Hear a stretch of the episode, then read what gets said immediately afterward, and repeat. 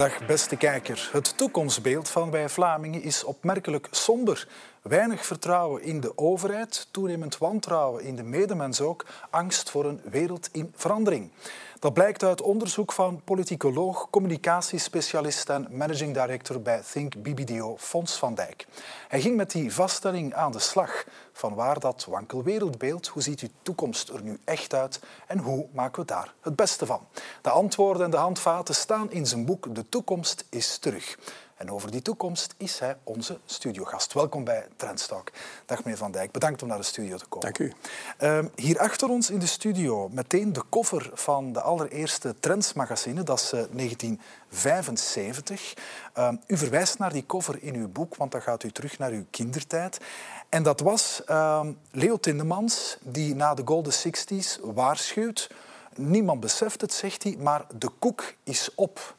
De goede tijd is voorbij, zegt hij eigenlijk. Waarom gebruikt, hij, uh, gebruikt u deze trends als, als voorbeeld? Een iconische cover 1975. We zijn dan twee jaar na 1973. Uh, 1973, het jaar van de Yom Kippur-oorlog. Exact 50 jaar uh, geleden, uh, die dan heel de olieboycott in gang gezet heeft en de economische crisis van de jaren 70 heeft ingeluid met grote uh, crisissen. Ook in ons land denken we aan de steenkoolmijnen die definitief gesloten werden, het staal in Wallonië, de textiel, en die dan uitgemond zijn in de zeer donkere jaren 80, jaren met enorm grote spanningen. Dus dit was een cover die het einde van een tijdperk inluidde. En u zegt ja, het lijkt nu wel of het opnieuw die 19 73 is. U maakt dat een tweede keer mee. Wel, alles komt terug, of toch in, in, in, in ruime mate. En voor mij is dat kantelpunt 2020, 2021 ja. geweest met een aaneenschakeling van crisissen uh, die we allemaal ons nog herinneren. De coronacrisis, we dachten dat corona achter de rug was. Dan heb je de oorlog in Oekraïne gehad. Je hebt dan de opwarming van de aarde gehad, die ook heel dicht bij ons komt. En nu heb je natuurlijk de oorlog in, in Gaza. En dus dat creëert, en dan heb ik het nog niet over de inflatie die de afgelopen jaren enorm gepikt heeft. Dus dat maakt dat vandaag in hoofden van heel veel uh, consumenten we in een staat van permacrisis ja. leven, een staat van permanente crisis en waar zij verwachten dat het morgen niet onmiddellijk beter zal worden. Nu, we zitten dan nu in die staat van permacrisis. Als ik dan naar mezelf of mijn generatie kijk, ik ben geboren in 1980, opgegroeid in uh, de jaren, jaren 90, jaren 2000. Um, ja, als je naar de geschiedenis kijkt, was dat een uh, voorspoedig tijdperk Hetgeen ik toen altijd evident vond, is en blijkt nu niet zo evident, die wereld van toen? Ja, het heeft uiteindelijk toch bijna 15 jaar geduurd na die uitspraak van uh, Weile Leo Tindemans voor we terug uh, vertrouwen gingen krijgen ja. in, in de toekomst, voor een aantal economische noodmaatregelingen ook effectief impact uh, gingen hebben. En dan zijn we inderdaad in jouw adolescentiejaren in ja. de jaren 90 aanbeland. Dat waren jaren na de val van de muur, dat grenzen open gingen, dat we naar één Europese markt ook gingen. Denk ook maar eventjes aan de doorbraak van het internet op dat ogenblik. Echt symbool voor een wereld die plots een groot dorp was. Dat waren jaren van heel veel hoop, van heel veel toekomst. Ook nog eens met het perspectief van het nieuwe millennium voor ogen dat het morgen wel beter zal worden. En om uzelf even te situeren, u heeft in uw carrière heel die cyclus eigenlijk van dichtbij meegemaakt. Uh, u bent actief geweest in, in de wedstrijd, in de politiek, uh, maar ook, uh, ja, u heeft die yes we can mentaliteit op een bepaald moment echt met het internet meegemaakt. Ja, dat was de jaren negentig. Dat waren ja, gekke jaren, dolle jaren. zo je wilde, in die periode stond ik mee aan de wieg van het toen in Vlaanderen opstartende de Telenet, eh, dat er dan kwam om het monopolie van eh, Belgacom te doorbreken. En ik herinner mij dat we in die periode met een aantal van de collega's heel Vlaanderen doortrokken met een grote gele tent op alle dorpspleinen stonden om daar de blijde boodschap te brengen dat het internet ons allemaal met elkaar zou verbinden. Uh, en dat was de tijdsgeest van de jaren negentig. Uh, er is wel die dotcom-crisis geweest van de jaren 2000, maar uit die crisis zijn alleen maar sterkere bedrijven gekomen. Je hebt bedrijven die verdwenen zijn, ook in eigen land, denk aan Lernout en Houspie. Maar internationaal heb je toen de doorbraak gekregen van bedrijven als Microsoft en Apple en, en Amazon, die vandaag nog altijd de lakens uitdelen. Nu, om even iets eh, duidelijk te stellen, we gaan hier spreken over, over een tijdsgeest. Nu, je zou kunnen denken, het is van alle generaties. Iedereen vindt wel dat de wereld snel verandert. Ehm, dat subjectief aanvoelen, dat die wereld ongrijpbaar is, dat die snel verandert, is dat niet iets van alle tijden? Hebben alle generaties dat niet gezegd? Of, en dat vraag ik aan elke expert eh, hier in de studio, zitten we nu werkelijk echt op een kantelpunt? Ik denk dat het op een kantelpunt zit. Nu, het is niet zo dat je van het ene jaar naar het andere jaar, zoals je dat in eindejaarsoverzichtjes krijgt, de knop omdraait. Nee, dat is een proces van meerdere jaren. Maar als we ook naar het onderzoek kijken dat ik voor dit boek bij een representatief staal van de Vlaamse bevolking heb uitgevoerd uh, vorig jaar, dan zie je toch wel dat de angst en onzekerheid over wat de toekomst gaat brengen, met name ook voor de kinderen en de kleinkinderen, waar een ruime meerderheid, en niet alleen in Vlaanderen, België, maar in heel de westerse wereld, vandaag ervan overtuigd is dat de kinderen en de kleinkinderen het minder goed zullen hebben dan hun ouders en hun grootouders in hun jeugdjaren. Dat besef is toch wel heel sterk eh, doorgedrongen. Ondanks, en dat is een, een paradox, ondanks het feit dat heel wat objectieve economische parameters net aangeven dat het er beter aan toe gaat met de wereld, ja, zit er in het collectieve hoofd en in de psychologie van de massa's op dit ogenblik toch een heel groot, grote vrees voor de toekomst. Geen vooruitgangsoptimisme zoals we dat in de jaren 60 gekend hebben, maar ook in ruime mate nog in de jaren 90, jaren 2000, waar u net naar verwijst. De Yes We Can, We schaffen das, herinnert u zich die nog van uh, Angela Merkel, zitten we vandaag toch in een periode die je zou kunnen vergelijken met wat de eind jaren 70 gezien hebben, ook in de populaire cultuur. Hè, toen dat doemdenken zich vertaalde, bijvoorbeeld in de punkstroming, de New Wave-stroming, die heel zwart was, heel donker was en waar het mantra toen was No Future. Uh, dus daar zitten we vandaag ook bij jongeren toch wel opnieuw heel dicht uh, tegenaan. Kun je nog een voorbeeld aanhalen wat u mooi omschrijft, kan, kan verrassend klinken.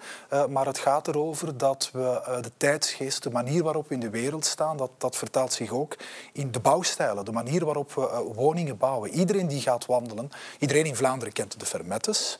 En dat spreekt over de jaren 70, 80. En vandaag zie je die, die typische moderne bunkerwoningen daar is een gelijkenis. Die lijken eigenlijk meer op elkaar dan je zou denken, die woningen. Hoe bedoel je juist?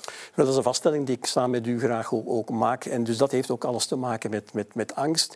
En in de bouwstijl vertolken we een heel stuk ook onze innerlijke uh, geestestoestand. En de Vermettes in de jaren 70, begin jaren 80, ja, waren een soort van verdedigingsreflex, een psychologisch verdedigingsreflex die mensen toen uh, letterlijk ook in hun bouwstijl naar voren brachten, waar ze dus kleiner gingen bouwen en voor een groot stuk ook wanneer die toekomst bedreigend is, onzeker is, ja, dan zoek je die toekomst voor een groot stuk in jouw verleden. En dat zagen we toen met de Fermettes. De nieuwe bouwstijl. Die ook van binnen trouwens. Hè? Ook van... Dus dat, dat eikenhouden, Biedermaier, Oh ja, ja, het was, Bokrijk was toen helemaal, helemaal uh, terug. Ja. En er is een, een hang bij, bij mensen, en ik wil daar absoluut niet denigrerend over doen, om, om het verleden rooskleuriger voor te stellen dan het eigenlijk geweest is. Uh, dat zie je vandaag ook terugkomen in die zogenaamde bunkerwoningen, waar men, als je door het Vlaamse straatbeeld loopt, naar de straatkant toe bijna een muur bouwt, een letterlijke ja. bunker, maar naar het private deel, naar de tuin, vaak ook met, met een zwembad, heel open raampartijen gaat, uh, gaat, gaat Geen bouwen. raam aan de straatkant? Wel als een soort van afscherming en verdediging ja. ten opzichte van een wereld. Het is een metafoor die ik gebruik. Uh, van een wereld die we als bedreigend zien en waar we ook natuurlijk enorm op onze privacy gesteld staan. Ja, een hele mooie metafoor. Um, in uw boek kijkt u naar die wereld aan de hand van wat u noemt ja, vier universele krachten. Dat is verkennen, verbinden en dan ja, wat meer oerkrachten die er zijn, veroveren en verdedigen. Dat kan misschien etherisch klinken, maar dat is het zeker niet. U illustreert dat ook allemaal met, uh, met heel tastbare voorbeelden. Uh, dat verkennen en verbinden, dat wat ons tot mens of maakt, wat ook een stuk cultuur definieert, ehm, wat, wat, wat is dat juist? Wel, het zijn vier krachten die in elk van ons zitten, in elke samenleving zitten en die van alle tijden ook zijn. Dus eigenlijk is uh, de mens eigenlijk zeer doorgrondbaar. Je moet alleen beseffen dat die vier krachten uh, van alle tijden zijn en dus ook ons verleden, hoe we vandaag leven en onze toekomst zullen bepalen. Het verkennen gaat over, zoals het, uh, het woord het laat vermoeden, in het Nederlands zijn het trouwens vier V's, ja, heel makkelijk zandig, om, om te onthouden. Verkennen gaat over uh, grenzen verleggen, grenzen doorbreken, gaat over innovatie, gaat over vernieuwing, gaat over verandering die we willen omarmen. Gaat ook over kennis, gaat over onderwijs, gaat over emancipatie, ja? Uh, gaat over vernieuwing, gaat over verandering. Dat is één, één drijfveer. Een tweede kracht is de kracht van het verbinden. En de kracht van het verbinden gaat over de idee dat als we samenwerken, en dat kan in gezinsverband zijn, dat kan in verenigingsverband zijn, dat kan ook als samenleving zijn, als we samenwerken, dan geraken we verder vooruit. Een verbondenheid niet alleen met onze medemensen, maar ook bijvoorbeeld met de generaties van de toekomst, met name ook naar de opwarming van het klimaat toe. Dus dat zijn uh, twee uh, krachten. Dat zijn twee krachten die de afgelopen 20, 25 jaar maatschappelijk enorm belangrijk waren. Je hebt die grote sprongen vooruit op technologisch vlak gezien en je hebt ook in het maatschappelijk uh, leven heel veel vormen van verbinding en solidariteit ge gezien, ook in het, in het middenveld trouwens. Daartegenover staan twee andere krachten die even legitiem zijn. Dat is de kracht van het verdedigen. Wanneer we ons aangevallen en bedreigd voelen, wanneer we angstig zijn, onzeker zijn, dan willen we ons gaan verdedigen. Hè. Dan gaan we dan uit in onze bouwstijl of kan zich ook uit in het feit dat we bijvoorbeeld het verleden meer gaan appreciëren dan de toekomst, omdat die toekomst dan bedreigend is. En de vierde kracht is de kracht van het veroveren. Dat is de stelling dat wie krachtig is, wie machtig is, wie rijk is, wie mooi is, succesvoller zal zijn en de wereld zal gaan beheersen. Die krachten zijn vandaag aanwezig, maar op basis ook van het onderzoek dat ik in mijn boek gedaan heb. Ik heb aan duizend Vlamingen gevraagd wat zij verwachten ja. wat de krachten van de toekomst zullen zijn, die het maatschappelijke leven in Vlaanderen, maar bij uitbreiding in de westerse wereld zullen gaan domineren. En dat zijn de krachten van het verdedigen en de kracht van het veroveren, ten koste van de kracht van het verkennen en de kracht van het verbinden. Maar ik voeg er meteen aan toe dat ook de krachten van verkennen en verbinden maatschappelijk relevant zullen blijven, maar de komende jaren eerder in tegenstroom zullen zitten, eerder onder druk zullen komen te staan ten opzichte van het verdedigende en het veroverende. En voor de duidelijkheid in uw peiling, als mensen daarnaar gevraagd wordt, dan hebben zij, begrijp ik ook bijvoorbeeld de perceptie dat de rijken alleen maar rijker zullen worden en zo meer. Dat, dat zit in die harde krachten van veroveren en ja, dat is een opmerkelijke vaststelling. Ruim 80% van de Vlamingen, dus dat is een significante meerderheid, uh, is de mening toegedaan dat wie rijk en machtig is de komende jaren, dat nog meer zal worden dan vandaag. Ja. Als het u over, u over die, die, vier krachten spreekt, verwijst u ook naar uh, Darwin, maar dan um, het goede begrip van Darwin. De survival of the fittest gaat hem niet over het uh, overleven van de sterkste, maar degene die zich het beste kan aanpassen. Ja, dan spelen die krachten ook op elkaar in, hè, want dan zou ik denken, degene die verkent, die creatief is, die disruptief is, die vooruitgang boekt, dat is de sterkste. Van die, met die kracht raak je het verste, met de kracht van het verkennen. Uh, absoluut, Darwin was, was, was correct. Uh, dus het gaat over zich aanpassen. En dat is wat hij bedoelde met uh, to fit, to adapt. Dat ja, is de echte was, was... Dus je moet je als organisatie, als bedrijf, als overheid, als samenleving, als persoon aan die snel veranderende wereld gaan, gaan aanpassen. Dat is wat hij bedoelt met de survival of the fittest. Niet in de betekenis, zoals je zegt, van het recht van de sterkste, maar diegene die zich het best aan die nieuwe context, die nieuwe omgeving weet aan te passen, zal diegene zijn die gaat overleven. Maar het verkennen is één van de vier drijfveren. Even belangrijk is, als je een verkenner bent, hè, dat je er ook in slaagt je te verbinden, dat je een draagvlak creëert voor je innovaties. Denken we met name aan AI en nieuwe technologieën. Ja, die zullen maatschappelijk alleen maar succesvol zijn als daar ook maatschappelijk een breed draagvlak rond kan bestaan. Het is in zo'n crisistijd, omschrijft u ook, dat er... Uh, ja, mensen ook naar oplossingen uh, op zoek gaan. Daar zitten innovaties in, um, disruptieve innovatie. U verwijst dan naar de uh, figuur van vandaag de dag Elon Musk en um, stelt zich de vraag of dit um, de Leonardo da Vinci van de 21ste eeuw, bij wijze van spreken, zou uh, kunnen zijn. Wat maakt zo iemand zo'n historische figuur of typerend voor dit tijdsmoment? Ja, ik denk dat er ook maar één Leonardo da Vinci is en altijd maar één Leonardo da Vinci zal, zal blijven. Dus als we naar technologie kijken, dan denk ik dat uh, 20, 25 jaar geleden, 30 jaar geleden, in de technologiewereld iemand als Steve Jobs bij Apple ja. uh, uh, ook dat, dat innovatieve, dat visionaire had, dat we vandaag ook erkennen bij een, bij een Elon Musk. Met name doordat hij in een heel vroeg stadium ook het belang van, van duurzaamheid en heel de energietransitie heel duidelijk en heel scherp ook als filosofie van zijn bedrijf, maar het ook daar niet bij laat. En dus ook grenzen van, van ruimte en tijd wil gaan uh, doorbreken. Dus wat dat betreft ja, komt hij wellicht ook straks ja. misschien nog wel dichter bij wat Einstein ooit theoretisch heeft, heeft uh, gedefinieerd. Maar ook in het geval van, van Musk, en ik ben absoluut niet iemand die dat soort van pioniers ook als halfgoden wil, wil bestempelen. Hè. Dat is destijds ook met Jobs gebeurd.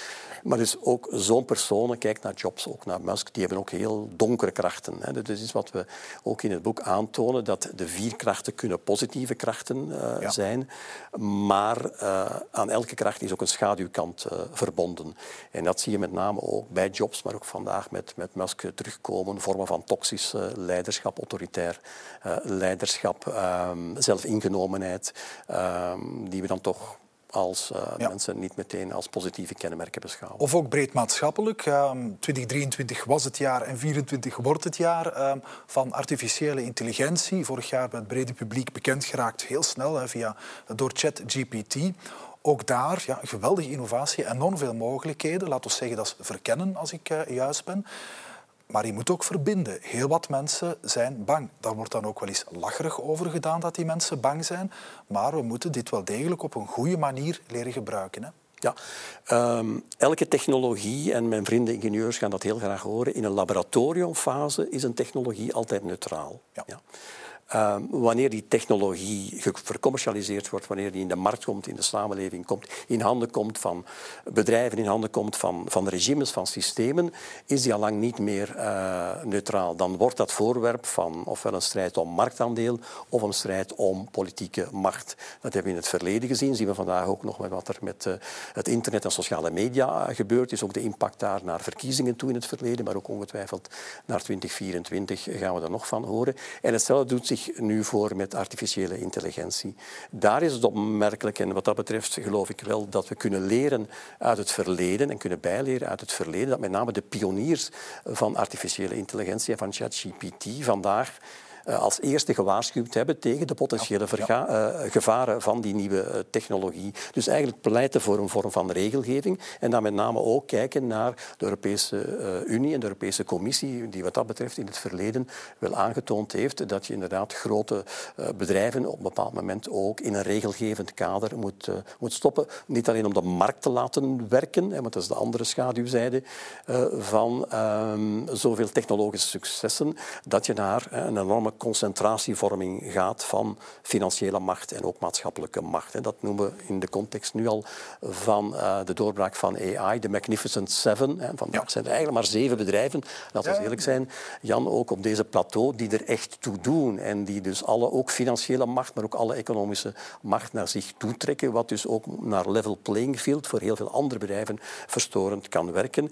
En natuurlijk ook, het is een technologie waar ook heel wat uh, ethische vragen kunnen bij gesteld worden. Het positieve is dat we daar geen vijf of tien jaar moeten op wachten om dat debat uh, te hebben, dat we dat debat vandaag al uh, kunnen voeren. Ja, ik wil even met u naar uh, het breed maatschappelijk debat, ook de politiek. Um, veertigers uh, van vandaag, dan spreek ik weer een stukje over mezelf, ook mijn generatie, die groeide op in, in die wereld die we dus straks uh, omschreven, de wereld van de jaren 90 en 2000, die globaliseerde op alle vlakken. Het was de tijd van de Europese eenmaking, de wereld werd ons dorp, culturele grenzen die bestonden niet, we waren wereldburger. En inmiddels, en zeker uh, Oekraïne was een wake-up call over een wereld die al lang in verandering was, maar gaat het over deglobalisering, een herschikking van de geopolitieke wereldorde.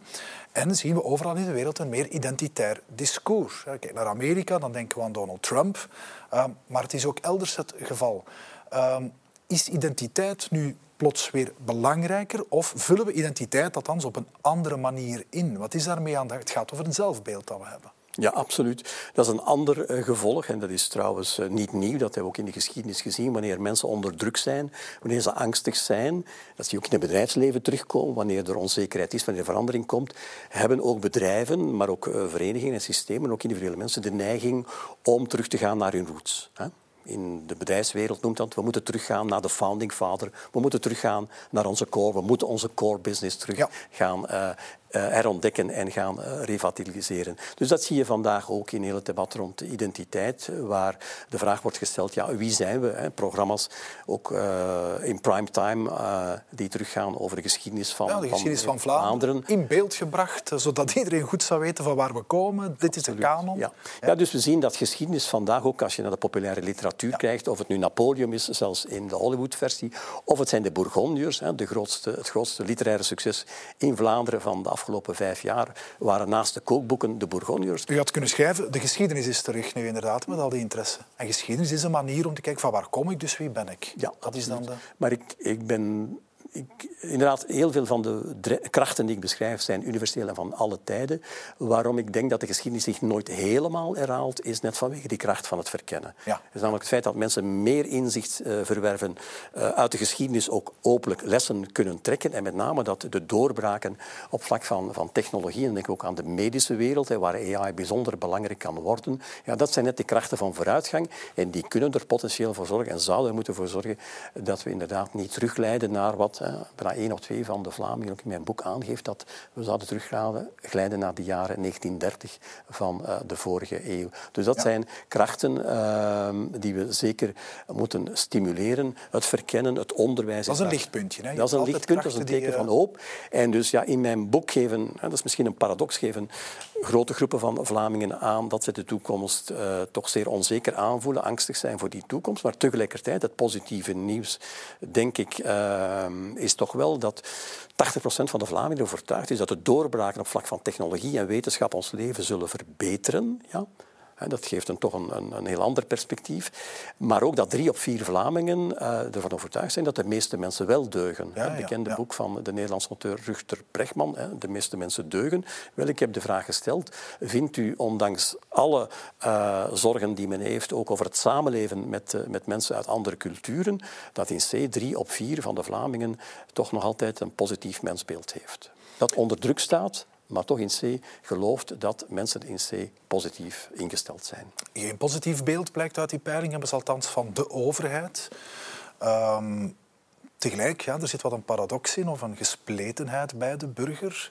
Tegelijk heeft die overheid nog nooit zoveel voor uh, ons gedaan. Misschien is het net omdat we te veel verwachten van die overheid. Maar welk mechanisme speelt daar bij die misnoegde burger op dat vlak? Ja, 20% eh, ongeveer van de Vlamingen vindt dat ze beschermd worden door de overheid. Dat is dramatisch dat is weinig. weinig. Dat is dramatisch uh, weinig. Nu, dat hoeft ook niet te verwonderen als we naar de voorbije jaren kijken, ook naar de coronacrisis, wat er in de zorg uh, gebeurd is, wat in de woonzorgcentra en dergelijke meer, wat er in, in de, de kinderverzorging de afgelopen jaren naar boven gekomen is. Ja, versterkt dat ongenoegen natuurlijk wel, maar het heeft uiteraard ook te maken met wat u net aangeeft, met een bepaald verwachtingspatroon uh, wat we ook zien naar de democratie, naar overheden toe, maar ook naar bedrijven toe.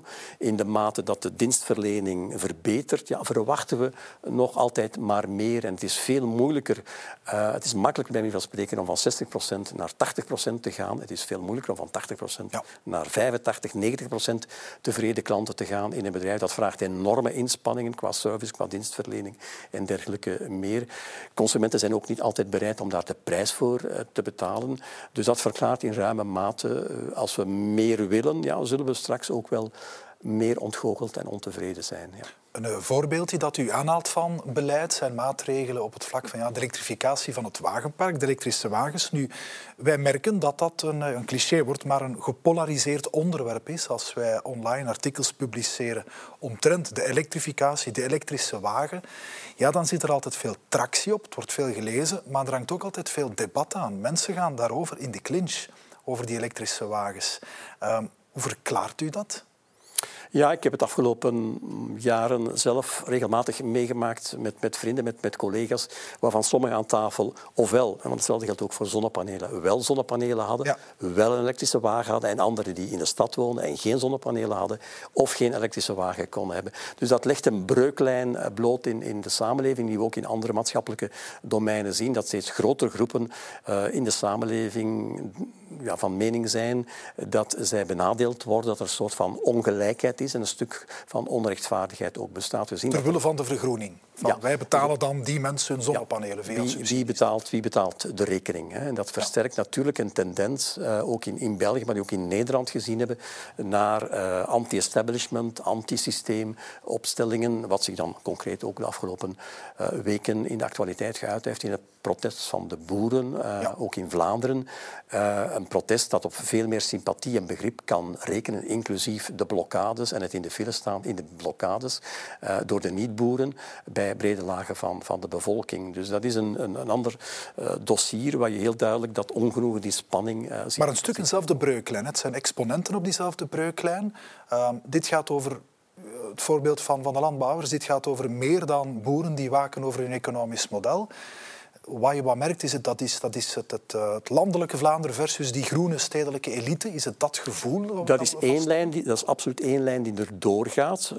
Maar laat ons maar eerlijk zijn, er is ook heel veel progressieve uh, mensen, linkse mensen die op het platteland uh, wonen. Ja, hè? Dus het is niet zo zwart-wit. En dus wat we in Nederland gezien hebben uh, vorig jaar bij de verkiezingsoverwinning van de BBB, de Boerenburgerbeweging, die uiteraard voor de belangen van de boeren en het landelijk opkwam, is dat de Boerenburgerbeweging niet alleen in landelijke gebieden, maar ook in stedelijke gebieden, in de Randstad Nederland, heel veel aanhang kon achter zich scharen. Dus daar erkennen ook heel veel stedelingen zich, ook in Vlaanderen vandaag, denk ik, in het ongenoeg en het protest van de boeren. Het gevoel ook dat er boven de hoofden ja. van de burgers wordt, wordt beslist over hun toekomst. Een toekomst die voor velen van hen ook, of een vooruitgang liever die veel te ver, veel te snel gaat en veel te ver gaat. En waar ze dus het toekomstperspectief ontberen vandaag.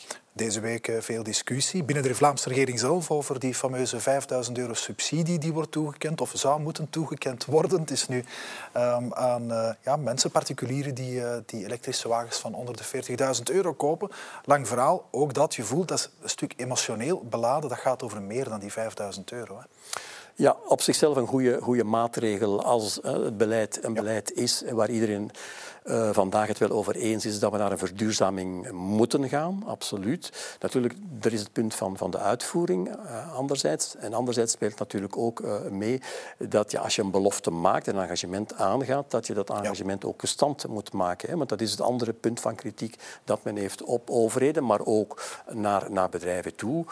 je maakt beloften, maar kom die beloften ook na in de praktijk.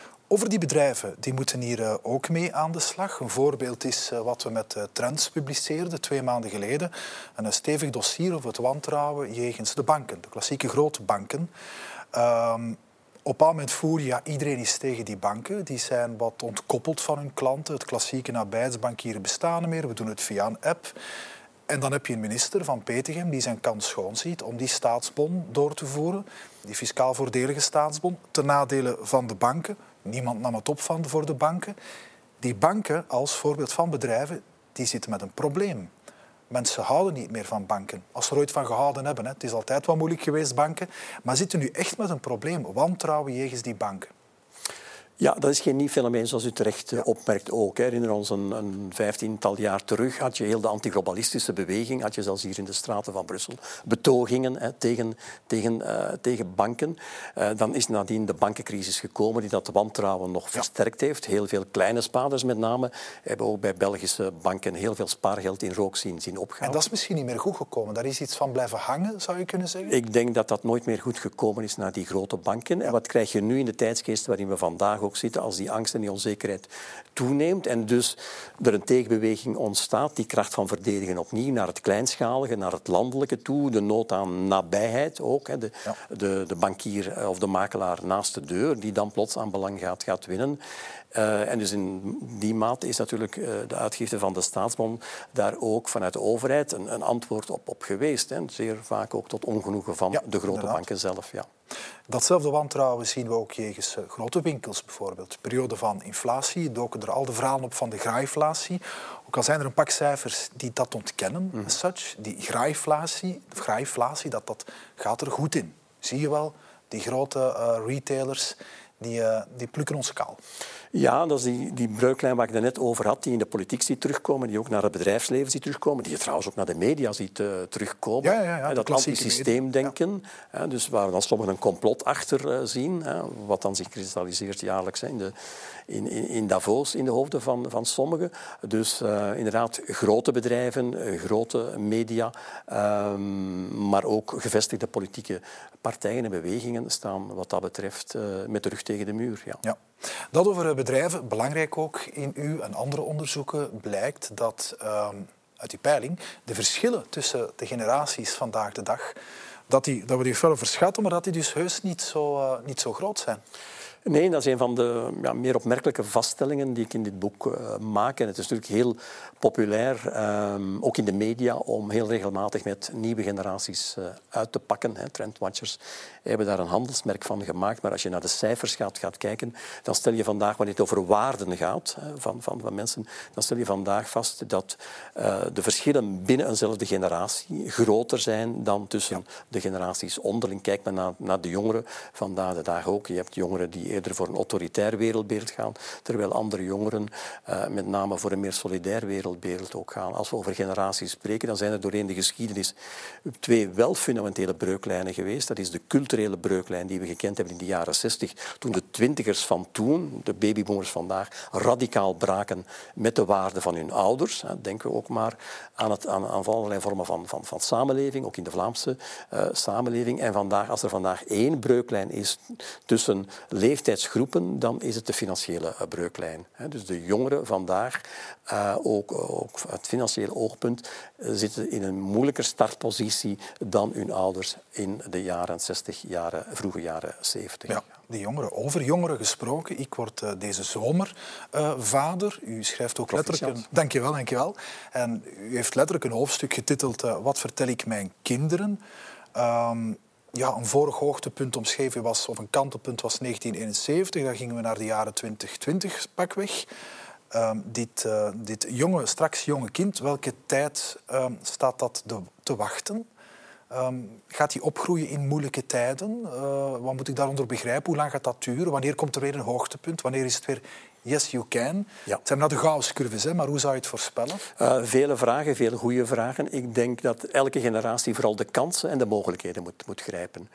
Uh, in mijn boek maak ik gebruik van de metafoor van de seizoenen. En zeg ja, ja. we laten een periode van lente en hoogzomer, hè, in de jaren waar u net naar, naar, naar verwees, uh, de jaren na uh, 2000 waren jaren van, van hoogconjunctuur en van hoogzomer.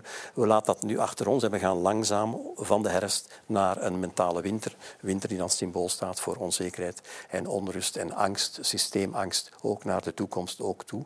Maar ik heb net aangegeven dat ook in elk tijdsgevricht de manier waarop we die winter doorkomen, Hè, dat we die in ruime mate ook zelf kunnen meegaan bepalen. Of we eerder de signalen van hoop, en dan denk ik met name ook aan onderwijs, dan denk ik aan nieuwe technologieën, maar dan denk ik toch ook wel het geloof dat de meeste mensen deugen. Dat zijn toch wel bakens van hoop, waar je niet naïef, hè, maar toch uh, inspiratie en vooral ook motivatie kunt, kunt uitputten.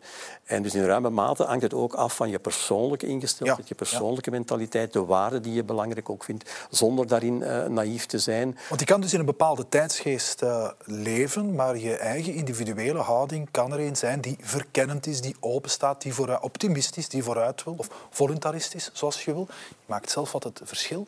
Ja, dat is ook de ondertitel van, van mijn ja. boek. De toekomst is terug. En dat verwijst dus naar dat perspectief dat ik met dit boek wil, wil geven. En ik stel vast ook dat de lezers die het boek uh, doorgenomen hebben, inderdaad uit het boek uh, hoop en kracht ook putten om, om die toekomst, die niet altijd rooskleurig zal zijn, om die met kracht en moed aan te gaan. Maar het is vooral ook een oproep om ons leven, ons eigen leven in handen te nemen. Want het individu, maar ook groepen van individuen zijn in, wel degelijk in staat om doorheen die winter zichzelf door te slaan, net als we teruggaan naar de jaren 70 en de jaren 80. Een groot, diepe economische crisis, ook heel veel bedrijfssluitingen.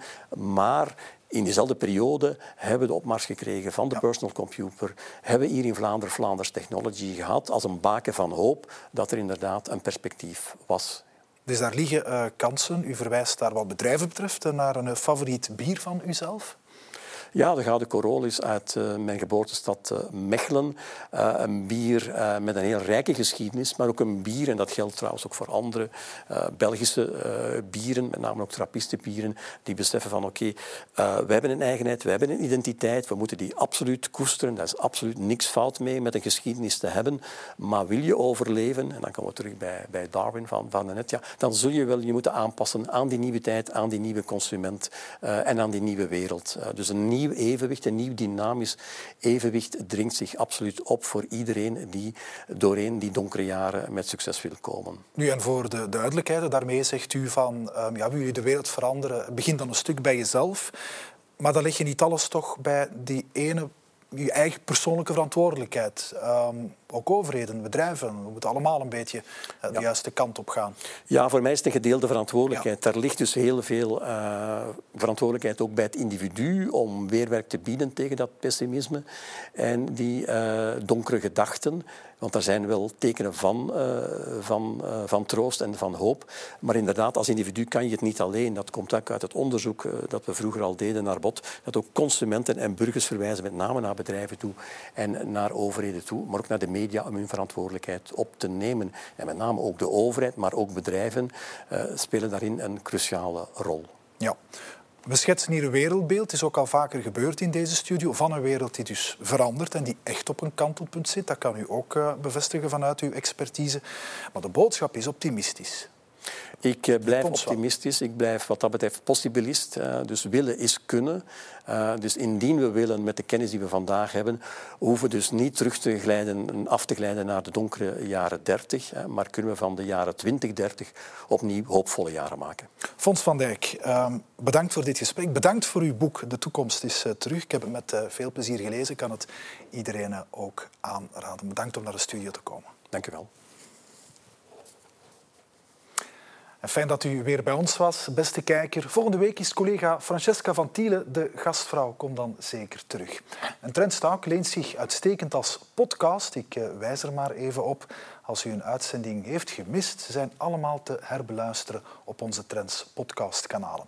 Ik doe dat uh, zelf ook vaak uh, tijdens lange autoritten of tijdens het koken. Dat is ideaal zo. Heel graag tot volgend weekend.